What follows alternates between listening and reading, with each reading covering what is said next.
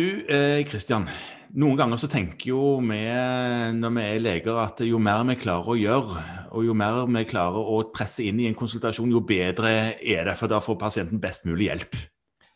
Ja, det er i hvert fall lett å tenke sånn noen ganger. Ja. Eh, Men er det ikke sånn at eh, hvis man bare får eh, gjort mest mulig, så blir, det, så blir resultatet alltid best? Nei, altså det er ikke alltid at volum trumfer alt. Altså, kvalitet er jo viktig. Ja. Eh, så jeg tenker at Og det, det, er noe som vi som fastleger er veldig opptatt av, er jo at, at vi skal gjøre de riktige tingene. Ja. Men det er ofte sånn òg blant pasienten. At de liksom tenker at vi har jo mulighet til å undersøke alt mulig, så hvorfor ikke bare ta sånn MR av hele kroppen, da? Ja, sant. Sånn for å være sikker. Da vet man jo. Ja. ja. Jeg har pasienter som kommer og sier Kan du ta alle blodprøvene du kan ta? Ja. Sier de. Det er òg veldig bra. Ja. ja. Da kommer de jo veldig langt. Da ser du jo alt som er galt. Ja. ja. Men du, eh. noen ganger når vi sitter og lurer på litt sånne store og voksne ting, så spør man om hjelp. Ja. Så jeg tenkte kanskje at vi kunne Fordi det er en kampanje som er sparka i gang nå nylig. Det har jeg hørt noe om. Ja. ja. Som heter 'Gjør kloke valg'. Eller det, det har holdt på lenge. Ja. Eh, men en, det tror jeg vi har snakket om før. Det har vi snakket om før. Ja. Men jeg har med en gjest i studio faktisk i dag. Så Kjetil Størdal. Hei. Hei. Eh, denne Gjør kloke valg-kampanjen det, det, har holdt på en stund, men nå er det noe nå, nå har dere kommet på noe nytt, holdt jeg på å si. Hva, hva, er dette for noe? Ja, vi har hatt litt uh, fredelig periode litt fordi vi merker at uh, det er vanskelig å nå igjennom uh, på mediefronten. Fordi det er et virus som tar så himla stor plass. Ja. så Derfor så har vi utsatt og utsatt. Men nå syns vi det var på tide å komme ut med en ny frist. Og da har vi gått sammen med ikke bare Legeforeninga, som har holdt på med Gjør folkevalg en stund, Mm. Men vi har fått med oss uh, mange andre profesjoner, sånn som tannleger, fysioterapeuter, sykepleiere, farmasøyter. Uh, mange som er med i kampanjen. Og da har vi en, en kampanje vi har kalt 'Mer er ikke alltid bedre'. Mer er ikke alltid bedre, ja. Ok. Eller Var det kiropraktorer òg med? Jeg lurer på om jeg så noe om det òg? Kiropraktorer, fysioterapeuter, uh, optikere. Ja, nettopp. Mm. Men, men, hvem er du egentlig, Kjetil? Eh, hvorfor, hvorfor, hvorfor snakker du om dette? Eh, godt spørsmål. Jeg er barnelege, eh, og jeg har vært med i kampanjen eh, fra starten av. Ja. Og spurt om å være talsperson for kampanjen da vi starta i 2018.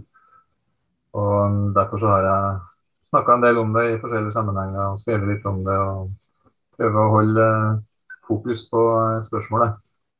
Men én ting er jo at eh, du har med alle disse helsearbeiderne inn i eh, en sånn felles front om mer er ikke alltid bedre. Men med, hva med pasientorganisasjoner? For det dette er jo et budskap som må ut til alle brukerne òg? Definitivt.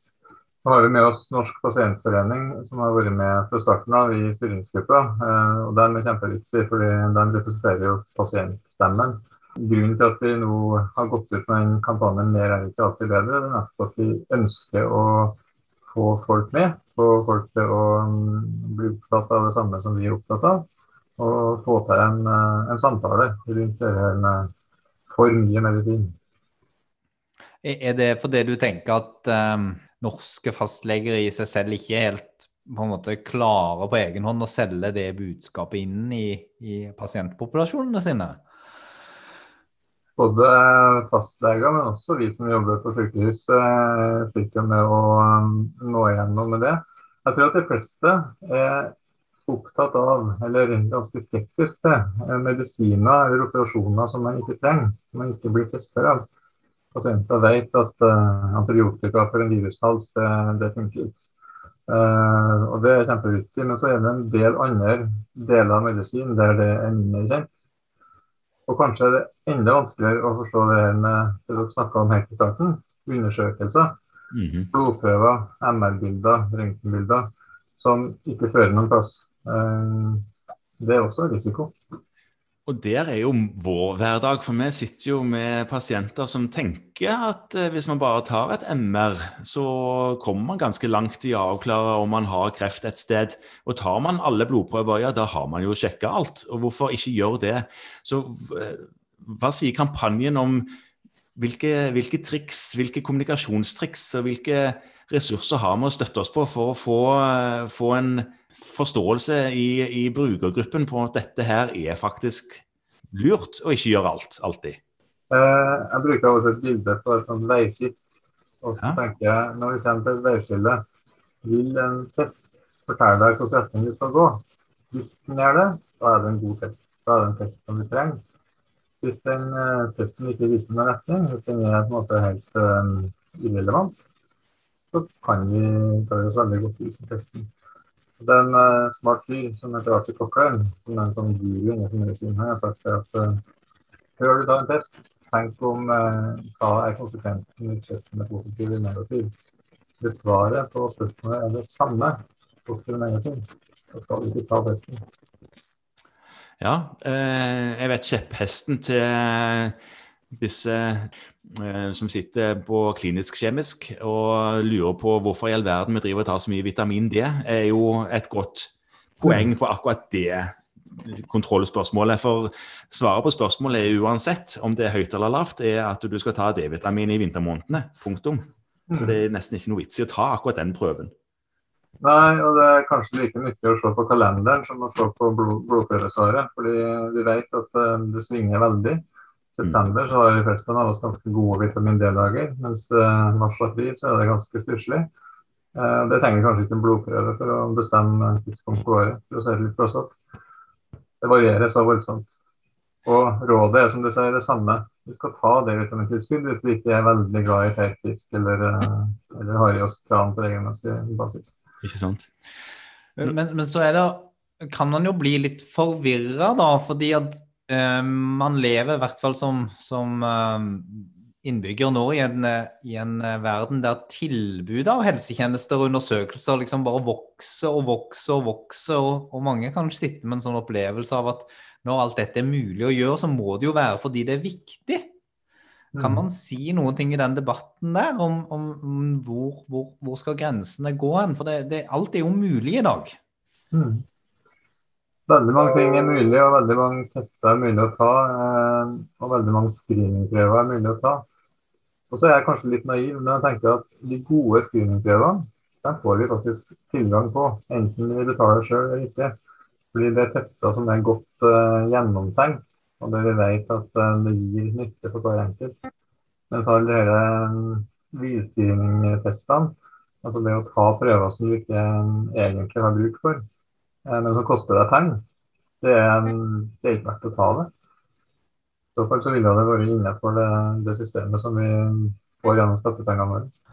Ja, så Det kan være et argument, altså at det, det, som, det, som, staten betaler for, er godt argumentert for. Og det som staten ikke betaler for, er det kanskje dårligere dokumentasjon for.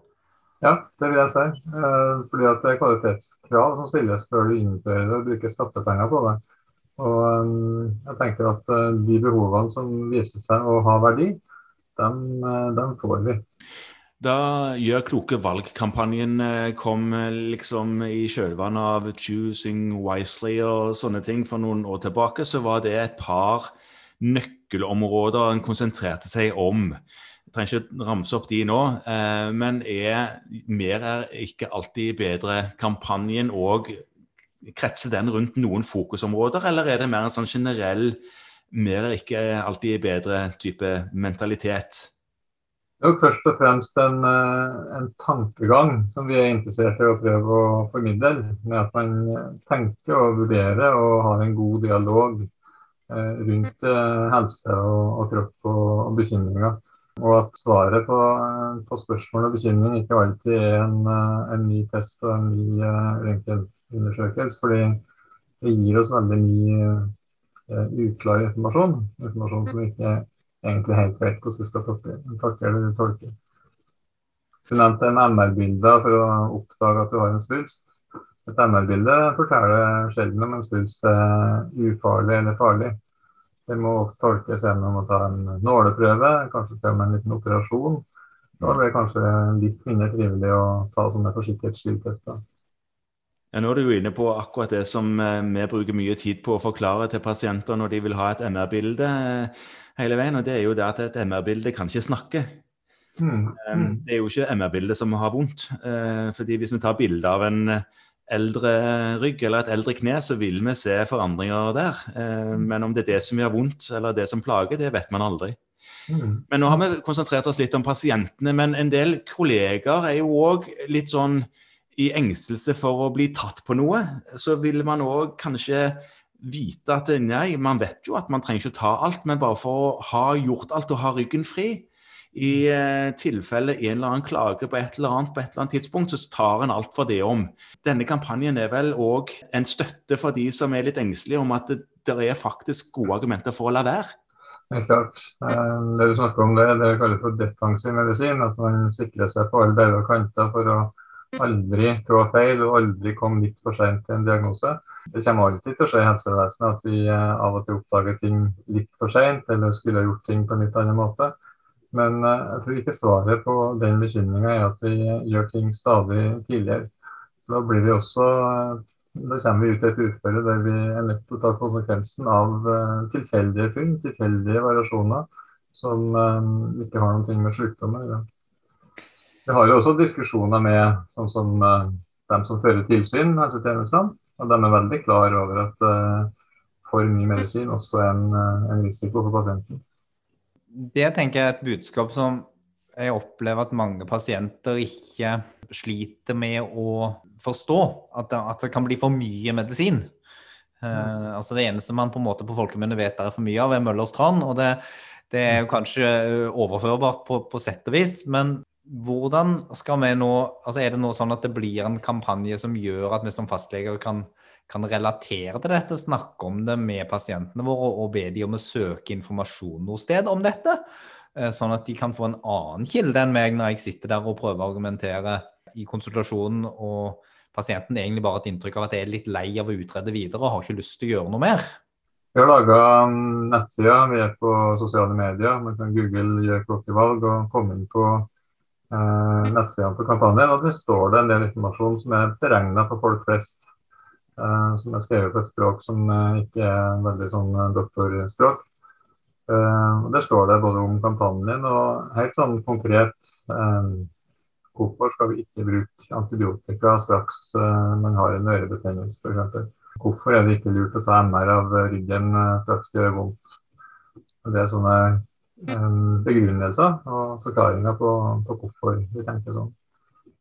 Og Nå er du jo inne på suksesshistorien vi har i Norge på at antibiotikaforbruket nasjonalt har gått ned over de siste årene. og Det er kanskje det man ønsker skal skje òg med bildehenvisninger. Det har vel bare skutt i været med MR og CT-bilder som er tatt de siste årene. Om røntgen ultralyd har lagt på et jevnt nivå de siste årene, så har jo de andre gått rett i værs. Mm. Ja, det, er det, det, er vel det, denne kampanjen litt, vil til livs, da. Ja, det er det. Og akkurat det med antibiotika det er et godt eksempel på at uh, vi kan gjøre en dugnad sammen for å få et litt mer fornuftig nivå av bruk. Mm. Og jeg tror at det med at antibiotika har gått ned med 30 uh, det skyldes uh, slett ikke bare at doktorene har blitt mer uh, tilbakeholden, det skyldes òg at pasienter ikke forventer det, ikke ønsker det for, for såre halser hvis de ikke trenger det. Vi har jo gått fra en eh, situasjon hvor pasienter før krevde antibiotika, og til nå hvor de er glad for at de slipper. Ja, ja. Det, har, det har skjedd en holdningsendring der.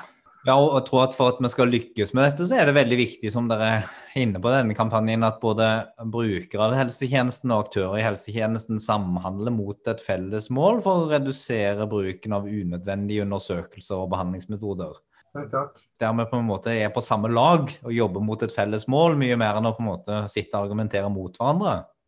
Så kan det jo være rimelig å, å diskutere og ta litt sånn tydelige standpunkt rundt uh, det med å måle vitamin D.